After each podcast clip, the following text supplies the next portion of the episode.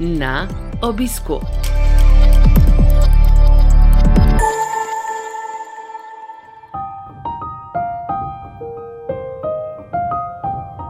Dobrodošli v novi epizodi serije podkastov na obisku, ki nastaja v produkciji Slovenskega združenja bolnikov z limfomom in leukemijo.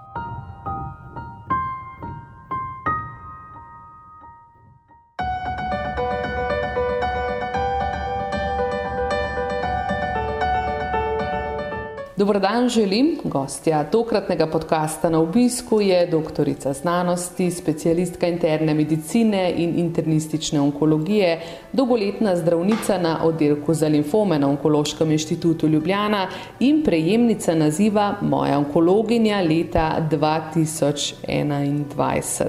Doktorica Južnič Šetina, lepo pozdravljeni in hvala, ker ste si vzeli čas za naš podcast. Dober dan in lepo pozdravljeni. Rekli ste kolegom oziroma novinarjem iz Vive, da ste bili zares presenečeni, ker ste po izboru bralcev ne, postali moja onkologinja leta 2021. Zakaj ste bili tako presenečeni? Ja, res je, jaz sem bila zelo presenečena, ker nas je zelo veliko onkologov na Onkološkem inštitutu in tudi druge po Sloveniji. Uh, vsi so uh, dobri zdravniki, oziroma vsaj večina je dobrih zdravnikov, zelo čutnih in srčnih zdravnikov. Tako da moram reči, da sem bila res presenečena, da sem bila izbrana. In se v tem trenutku tudi zelo zahvaljujem za to, za to, da ste me izbrali. Se mi je pa zdelo zanimivo, ker v resnici limfomi niso najpogostejši raki, tukaj pa gre za izbor bravcev. To je res zato velika, velika nagrada, ker bi bilo bistveno bolj razumljivo, če bi bil kdo z področja, da nima raka ali dojka ali prostate ali katerih bolj pogostih rakov, a ne recimo internist onkolog. Ja, limfomi res niso najpogostejši rak. E, imamo druge rake, rak pljuč, dojke, gastrointestinalni raki, ki so pogostejši. E, je pa res, da na limfomih veliko bolnikov pozdravimo in jih potem tudi dolgo časa vodimo, tako da ostanejo bolniki kar dolgo časa pod našim nadzorstvom in našimi kontrolami. Tako da morda, morda je tudi to eden od razlogov, um, da sem bila izbrana. Zdaj, ko ste s svojimi bolniki leta in leta, da nima potem samo še verjetno na kontrolnih pregledih, se človek kar že bolj spozna, pa bolj naveže. Ja, eh, nekateri bolniki eh, so dali tudi skozi zelo hudo zdravljenje. Eh, tako da sploh v teh primerih se zelo spoznam z bolniki in tudi njihovimi svojci. In se pravzaprav z bolnikom zelo naveževa, bom rekla, en na drugega. Eh, tako da jaz poznam bolnika še potem leta pozneje, ko ga spremljam in bolnik seveda mene. Ne. Mogoče moram povedati, da sem tudi praktično sem premišljala vse čas v službi, razen narednih dopustov, tako da tudi to, to je en um, od razlogov, uh, oziroma ena stvar, ki jo imajo bolniki zelo radi, da um, vse čas pravzaprav se obračajo lahko na um, enega zdravnika, ki jih vodi in jih pozna. To ni zelo samoumevno, ne? zdaj šele vidimo v teh kovih časih, kako je v resnici to včasih ja, težko. Res je, kako težko je priti do svojega zdravnika. Ker drug zdravnik seveda bo naredil tisto, kar mora seveda narediti kot zdravnik, ampak ne pozna pa bolnika, ne pozna svojcev, predvsem pa ne pozna bolnika. Um, in potem morda bolnik je v določenem trenutku zadovoljen s, um, z obravnavo drugega zdravnika, ker ima vse drug pogled. Ne ampak eh, v bistvu si pa večina bolnikov želi videti enega zdravnika, ki ga spremlja od vsega do začetka. To je zagotovo povsem res. Povejte nam o bolnikih z limfomi, hočkinovimi, ne hočkinovim limfomom. Eh, Veliko krat tudi sami ste rekli, to so mladi bolniki, ki imajo naporno zdravljenje, pa še leta in leta potem pridejo na kontrolo. Kako drugačni so ti onkološki bolniki, ki so mladi, so danes drugačni, kot so bili še pred 15 leti, ko niso rasli, da rečemo, že splenic ven s to digitalno tehnologijo? Ja, jaz bom rekel, da bolniki so praktično enaki že vrsto let. Uh, predvsem mladi bolniki so bolniki s hočkinovim limfomom, to so bolniki, ki zbolevajo nekje do 30. leta starosti. Dajo skozi večina njih zelo hudo zdravljenje in imajo potem tudi, seveda, tudi mogoče 10 in 20 let pozneje neke posledice tega zdravljenja. Um, zato je zelo pomembno, da so ti bolniki pravzaprav nekateri, vsaj tisti, ki so zboleli do 30. leta starosti, vse čas na kontrolah na Onkološkem inštitutu. In tudi, ko pri meni zaključijo obravnave, nekje je to pet let po zaključenem zdravljenju, grejo potem v ambulanto za pozne posledice zdravljenja. Kar jim zelo svetujemo, se tam pač izvajajo neke preiskave, s katerimi se ugotavlja in pravočasno odkrije te pozne posledice zdravljenja. Um, je pa res, da večino teh bolnikov pozdravimo in seveda jaz vsem bolnikom povem, da se morajo po zaključenem uh, zdravljenju um, nekako vrniti in se vključiti nazaj v svoje življenje. Jaz jih spodbudim, naj grejo nazaj v službo, ker tudi to je včasih problem po dveletni odsotnosti ali pa bolniškem staležu. Zato, da, da niso doma in da ne premišljujejo vse čas o svoji bolezni, oziroma o tem, ali se bo bolezen vrnila ali ne. Um, spodbudim jih, naj se začnejo ukvarjati z nekimi dejavnostmi, ne vem, berejo knjige, ukvarja, se ukvarjajo s športom, um, mogoče se učijo jezike, skratka, nekaj novega, um, naj se začnejo učiti, zato da si zapolnijo čas in morda ob tem sprostijo in pozabijo na hudo zdravljenje, ki so ga dali skozi v Slovenskem združenju bolnikov z limfomom in leukemijo, eh, skupaj s strokovnjaki tako z Onkološkega inštituta, kot seveda z vašimi kolegi hematologi čez cesto z kliničnega oddelka za hematologijo. Zelo dobro sodelujemo pri snovanju, pa tudi izvedbi ne, tega rehabilitacijskega programa za bolnike s krvnimi raki skupaj na poti do zdravja. Kako vi ocenjujete to sodelovanje in zakaj je ta rehabilitacija tako pomembna, po vašem mnenju, čeprav ste že kar veliko tudi zdaj nam povedali? Sodelovali? Ja, to uh, sodelovanje jaz mislim, da je zelo dobro. Um, In poteka tudi to uh, so, zelo dobro s profesor Zupanovo iz hematološke klinike. Jaz mislim, da tam se bolniki med sabo mečkem povežejo in se spoznajo, mogoče vidijo, kako, drugi, kako se drugi prebijajo skozi nekateri zelo težko obdobje te rehabilitacije po zaključenem zdravljenju. Potem je tukaj vključen seveda prehranski strokovnjak, um, strokovnjak za športne aktivnosti, psiholog, psihiater po potrebi. Tako da jaz mislim, da je to zelo koristno za bolnike in zelo svetujem. Seveda ne za tiste bolnike, ki so sredi težkega zdravljenja. To je mogoče bolj primerno za bolnike, ki so proti koncu zdravljenja oziroma ki zaključijo zdravljenje um, uh, in imajo, bom rekla, relativno dobro prognozo oziroma izhod bolezni. Ne. To ni primerno za bolnike sredi težkega zdravljenja, ki, ki si morajo kontrolirati krvno sliko ali pa ki imajo zelo veliko bolezni. Uh, Je neko fazo, to zagotovo za nje prenaporno, potem pa verjetno čim prej želeno. Tako, ja. In to sodelovanje z združenjem, kolikor me je znano, je zelo dobro. Ne? Tukaj zelo pohvalijo vse zdravnice z vašega oddelka za limfome. In zanimivo je, se mi zdi, da ste same zdravnice in tak ženski kolektiv. Ja, medicina je bolj eh, ženska zadeva, sploh eh, stvari, ki niso eh, povezane s kirurgijo. Um, tako da uh, zdaj nas je že šest specialistk v tem našem ženskem kolektivu, ki smo vse na uh, oddelku za maligne limfome um, pod vodstvom profesora Zerškova Jane. Kako se razumete, kako sodelujete? Je to kaj drugače, kot če bi bil mešan kolektiv ali pretežno moški? Ja, eh, se strinjam, verjetno bi bilo mogoče mečkano bolj eh, zabavno ali pa vsaj v določenih trenutkih bolj šaljivo, če bi bil, še, eh, če bi bil mešan kolektiv, ker moški vsem prinesejo en svoj en svoj pristop imajo.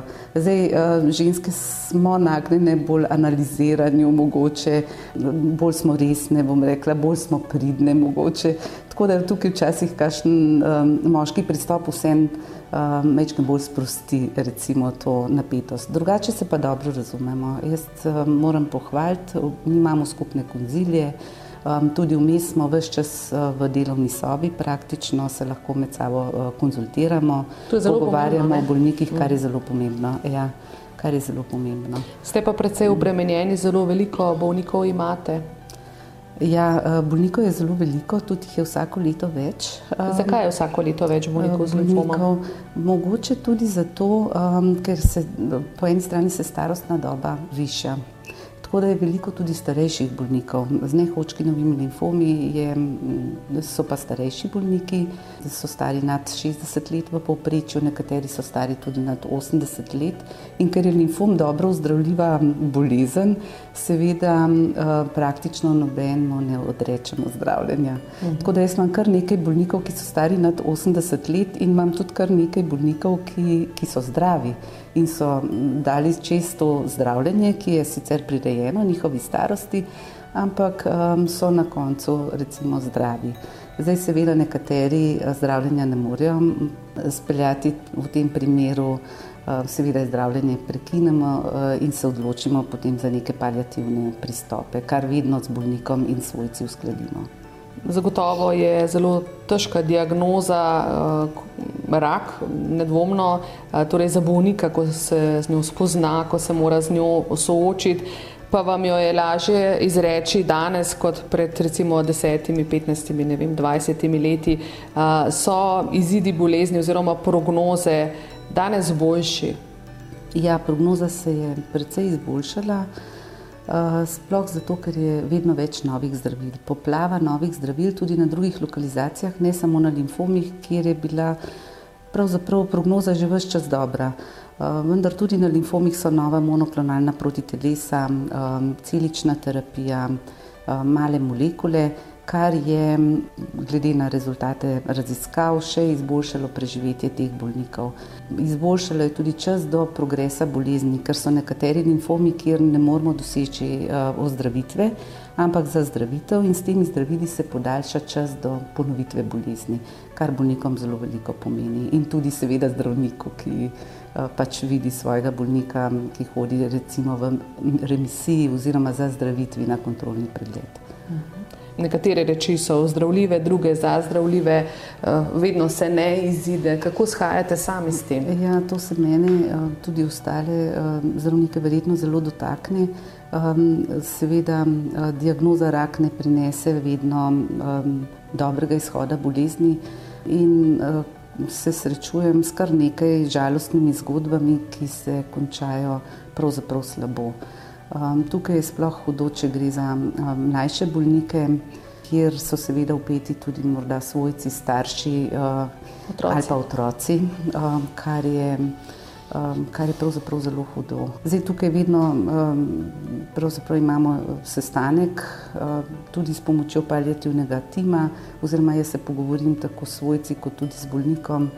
Um, ker seveda je potrebno povedati žalostno um, novico, o kateri seveda uh, svojci so itak prizadeti, uh, tudi bolniki prizadeti in tudi, tudi jaz sem prizadeta, sploh če spremljam bolnika dolgo časa, uh, kjer se navežem na njega. Tako da ja, zdaj jaz moram reči, da doskrat premišljujem o tem tudi doma. Moja sprostitev, doma so potem kakšne športne aktivnosti, šmarna gora je moja velika sprostitev recimo um, ali pa kolo, uh, pa kakšne knjige, uh, potovanja, no, ki, um, na katero skušam iti enkrat na leto, to, to mi prinese neko sprostitev. Mhm. Pa in tako odklop, -hmm. morda v teh. Ja, in pa odklop od teh težkih zgodb, ki so ne, -hmm. kolikor se da. Dobro, omenili ste potovanja, pa gore. Zdaj vem, da uh, gore združujejo vas in vašega soproga, potovanja pa se mi zdi vas in vaše prijateljice. Kako je s temi rečmi? Jaz mislim, da, uh, da uh, je potrebno si privoščiti mogoče enkrat na leto počitnice tudi izven kroga družine ali pa mogoče s prijateljico. Uh, s katero zadnjih kar nekaj let, razen v teh COVID časih, ki so zdaj, sem odpotovala nekam v daljne kraje. Še najraje imam povezane s hribi, recimo kakšen trekking v Nepalu, predvsem pa rada vidim druge kulture, druge ljudi, potem gore in pa drugačno naravo. Mhm. To je velik odklop. Ne. Tako potovanje traja mogoče dva do tri tedne, Um, tako da res um, en teden človek rabi, da pozabi na službo, uh, pa potem je res tisti pravi odklop uh, in pa potem vrnitev nazaj. Kaj je pa alpinizem? Alpinizem, uh, alpinizem zdaj že nekaj let, um, kar dosti let ne prakticiram več. Um, je pa moj mož um, alpinist, res je zelo veliko uh, plezal v preteklosti, no, ampak vsaka zgodba se enkrat konča, tako da se je tudi on usmeril, pri nas smo zelo športno usmerjena družina, se je tudi on usmeril uh, potem v kolo. Uh mhm. -huh. Tudi jaz sem potem enkrat, ko, bilo, ko so prišli otroci in, in druge obveznosti tudi v službi, um, z alpinizmom nekako zaključila. Je pa bilo to eno zelo lepo obdobje mojega, bom rekla, bolj mladega življenja. Uh mhm. -huh. Ampak sta pa bila oba v izpitnih komisijah pri, se mi zdi, Planinski ja, zvezi. Je, jaz sem bila bolj um, kot uh, zdravnik takrat, prva pomoč je bila v tej izpitni komisiji, no on pa je bil ja, kot alpinist in inštruktor v tej izpitni komisiji. To so bili taki lepi časi, ki so bili povezani s hribi, um, potem seveda tudi z drugimi um, alpinisti in športniki. In so bili eni taki res lepi časi, ki se jih rada spomnim. Glede na to, uh. -huh. da ste seveda zdravnica gorsko reševanje, ste tudi v tej smeri bili kdaj dejavni? Ne, moram reči, da ne. Tukaj bi mogla biti bolj, um, oziroma nisem alpinistka, tako da tukaj seveda je treba imeti druga znanja še. Še kombinacijo različnih tako, ja. reči. Dobro, rekli ste, smo športna družina. Kako pa je športom in vajnima otrokoma, sin in hčista, ne? Ja, sin je uh, treniral kolo. Um, tako da vsak od nas uh, se mora ukvarjati, oziroma se ukvarja z nekim športom. Uh, Eh, hči tudi teče. Uh, potem mož je zdaj se sploh uh, zelo v cestno kolo usmeril, tako da tudi trenira te mlajše kolesarje. Zdaj jaz moram reči, pa sem tekla dolga leta, zaradi kolen mogoče zdaj tega ne prakticiram več. Um, hodim pa na Šmarno goro še, pa kolor, eh, recimo eh, rešica, na rešico se penjem ali pa ne vem, v Kranski gori imam neke določene poti, včasih vršič tudi. Bravo, ne tam, kjer je gneča, kakšne svoje? Kakšne svoje, ja, eh, dobro, pa tudi tam, pa tudi znane, ne, recimo, ne vem, tromeja, Eh, s kolesom ali pa take stvari. Ja. Odlično. Za otroka sem vprašala, ker vem, da oba študirata medicino in da ste uh, ena bolj morda redkih mam, ki ni uspela zagražati uh, svojega poklica otrokom, kar se nam veliko krat zgodi. Na kakšen način ste jim opisovali ta sicer prelepa ne, zdravniški poklic, da je postal blizu tudi njima in vam morda nista zamerila let in let dežurstev, let in let skrbi, pa ja. odsotnosti. Kako ste to dosegli? Res je, um, pravzaprav sta zelo pridna. Um, najprej moram to povedati, sin je zdaj četrti letnik medicine in njega dejansko medicina zanima. Tako da sem včasih prav presenečena, ko on kakšen, za kakšen spič študira in mi potem pride kaj povedati in pove, da je to zanimivo. Kar pomeni, da ne študira samo za to, da bi naredil izpit, ampak tudi se nekaj iz tega nauči.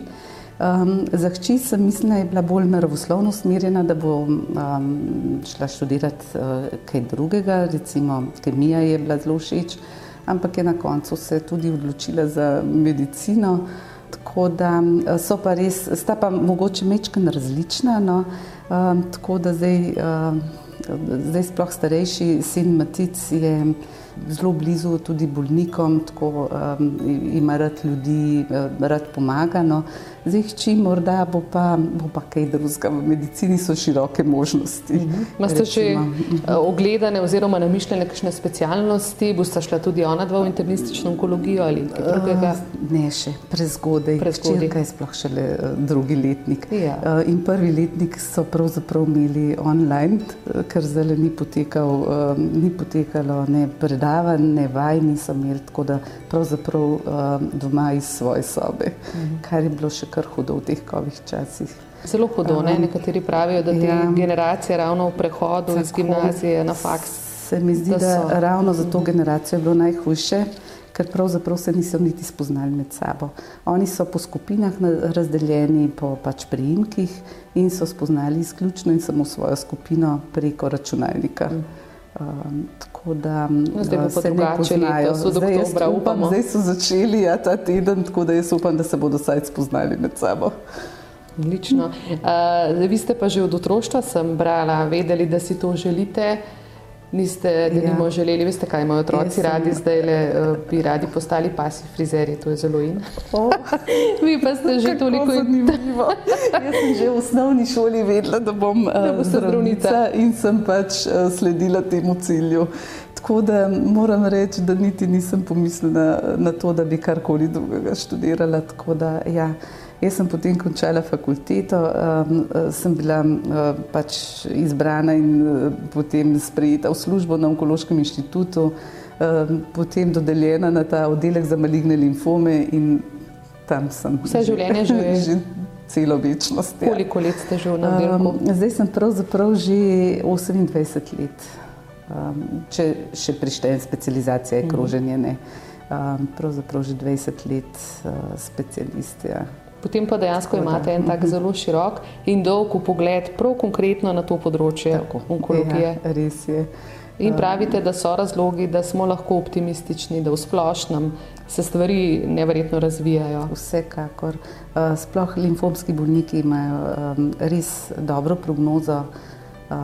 Tako da to je dobro prognozo, da se ukvarjamo bolj z, z poznimi posledicami zdravljenja, sploh pri hočkinovih limfomih in tudi ne hočkinovi limfomi imajo res dobre možnosti in za ozdravitev in za zazdravitev, ker seveda so določene bolezni oziroma določeni limfomi neozdravljivi. Tudi ne na zadnje ni samo umevno, da imamo to ambulanto za pozne posledice, ne? če ravno si seveda vsi želimo, da bi lahko bila še bolj um, še širša, da bi lahko uspela še več bolnikov, sistemsko urejena, kar ni, ampak vendarle je spet svoje vrsten unikum, a ne skoraj da v Evropi. Se strinjam, bolniki so pravzaprav sledeni, eh, tisti, ki eh, hočejo biti sledeni do konca življenja. Eh, tudi drugi bolniki, nekateri, ki morajo iti s kontrol, si želijo še um, nazaj, um, priti vsaj enkrat letno na onkološki inštitut, ker vsem um, se počutijo varne. Uh -huh. uh, počutijo se varne, ker jih pogleda njihov zdravnik oziroma nek zdravnik na onkološkem inštitutu um, vejo, kako poteka ta pregled, nekako uh, se počutijo res varne. Ni pa seveda možno vseh gledati, tako da mi bolnike večinoma zdrave po petih letih, tisti, ki so stari nad 30 let, jih vrnemo nazaj potem v sledenje um, izbranemu družinskemu zdravniku. Zanima me, kakšen je pravzaprav bolnik, ki si ga zdravnik želi. Kako bi upisali bolnika, ki si ga želite, da bi čim bolje z njim sodelovali in da bi bilo seveda zdravljenje še uspešnejše? Torej, najboljši bolnik je tisti, ki zaupa um, medicini, klasični medicini, ki sprejme, bom rekla, priporočeno zdravljenje in pri katerem gre seveda potem tudi bolezen dobro nazaj in ki ga na koncu pozdravimo.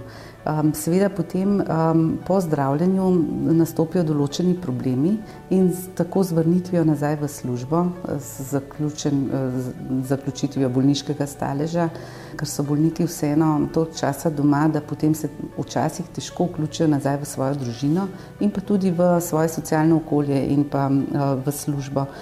Seveda najboljši je ta, ki je tudi psihično tako trden in močen, da tudi po zaključenem zdravljenju mu to uspe brez večjih pretresov. Doktorica Južnič Šetina, bolniki vas poznajo in nam o tem povedo, da ste umirjeni, realni in da ste prijetna zdravnica, saj da težkih zgodb ne ulepšujete, vendar pa dajete bolniku vedno znova in znova upanje. Ja, res je, jaz sem dokaj resna, včasih sem preresna, seveda tudi včasih zaskrbljena, tudi zaradi drugih uh, stvari. Vsak od nas zdravnikov ima tudi svoje osebno življenje, svoje skrbi. Um, no, ampak skušam seveda to uh, potem malo omiliti um, ali pa bolniku uh, se nasmehniti in, in mu dati nekako vedeti, vedeti da, da bo za njega poskrbljeno. Um, jaz moram reči, da se z vsakim bolnikom in tudi svojci usedem, preden začneva zdravljenje, se z njim pogovorim, mu povem, ne ulepšujem stvari, mu povem, kakšno je stanje njegove bolezni, kakšno bo zdravljenje, kakšni so stranski učinki zdravljenja. Um, in mu seveda na koncu upanje je potrebno pustiti. Um, povem, da bomo naredili vse, da bi ga pozdravili. Um, kar pa seveda 100% ne moremo pri nobenem tipu limfoma zagotoviti. Nasploh nimamo 100% zagotovil v življenju na nobenem področju. Torej, prej ste omenjali zaupanje, da je dobro, če bolnik zaupa zdravniku, da si zdravnik želi bolnika, ki zaupa v medicino, v znanost. Zdaj vemo, da je, pa, da je veliko alternativnih možnosti, vedno več. Kaj storite, recimo, če se en bolnik odloči, da se ne bi zdravil po nekih sodobnih vaših dogmah, ampak na nek drug način? Kje najdete potem konsens? Ja, nekateri bolniki se odločijo za alternativno medicino. Zanimivo je, da so to ponavadi mlajši bolniki. In ne starejši bolniki. Starejši bolniki so hvaležni, da, da pač naredimo vso diagnostiko, da uh, jih skušamo pozdraviti. Zdaj, mlajši bolniki pa poiščejo tudi druge možnosti um, na internetu in se res uh, včasih, redko sicer, um, odločijo za alternativno zdravljenje.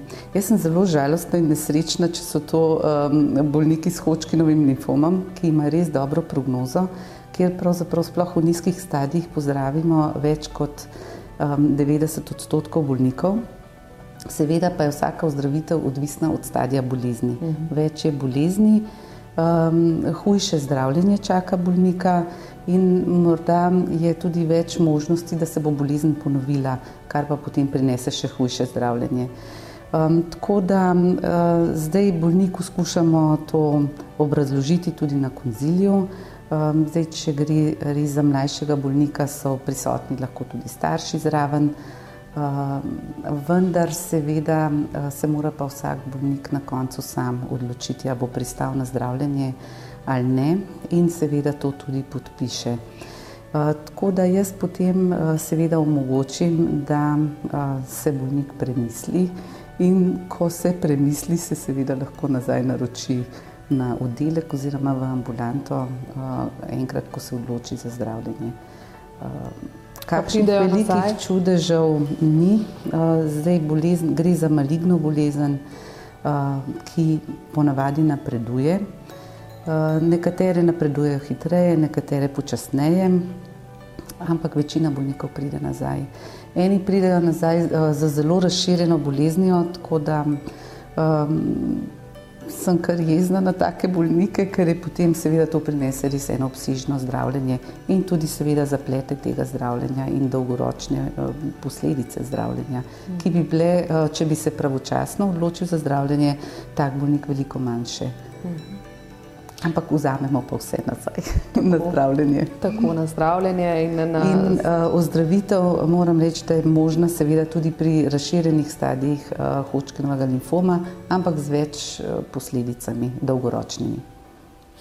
Ko ste omenjali to zaupanje, pravijo že zaupanje samo, zdravnik sam, ne, če se mu mhm. zaupa, je že sam po sebi zdravilo, ker tako menda deluje naša psiha, ne, da tisto, v kar verjamemo, v, v nekem delu že lahko pomaga.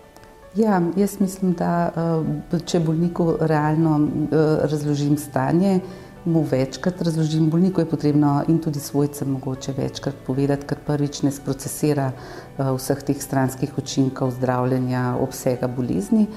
Um, in če seveda zdravnik tudi sam verjame v to zdravljenje in v klasično medicino, uh, um, in v svoje izkušnje, bom rekla, pri sebi dolgoletne izkušnje, potem tudi bolnik uh, zaupa. No. Večina bolnikov se premisli in se potem odloči za neko klasično medicino.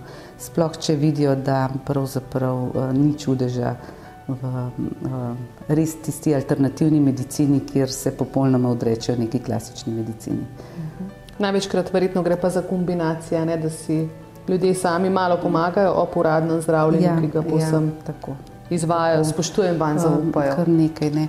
Predvsem so zdaj zelo, um, bom rekla, popularna prehrana, uh, ampak tukaj imamo mi uh, dietetike, prehranske strokovnjake, uh, katerim napotimo čisto vsakega bolnika praktično, tako da tudi tukaj imajo oni eno podporo. Uh mhm. -huh.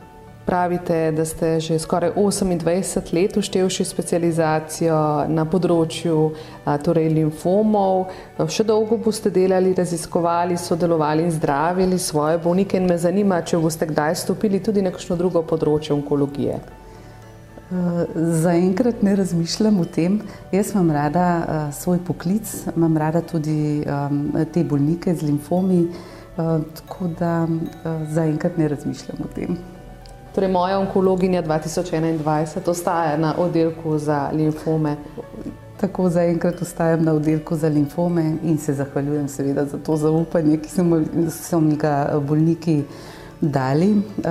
In seveda čutim to kot obveznost za naprej, da se bom še trudila biti dobra onkologinja.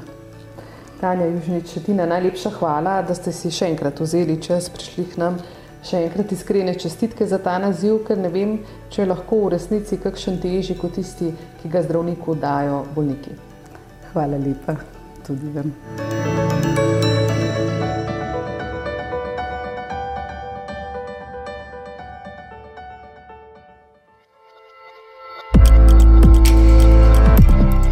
V našo družbo vabljeni spet čez 14 dni.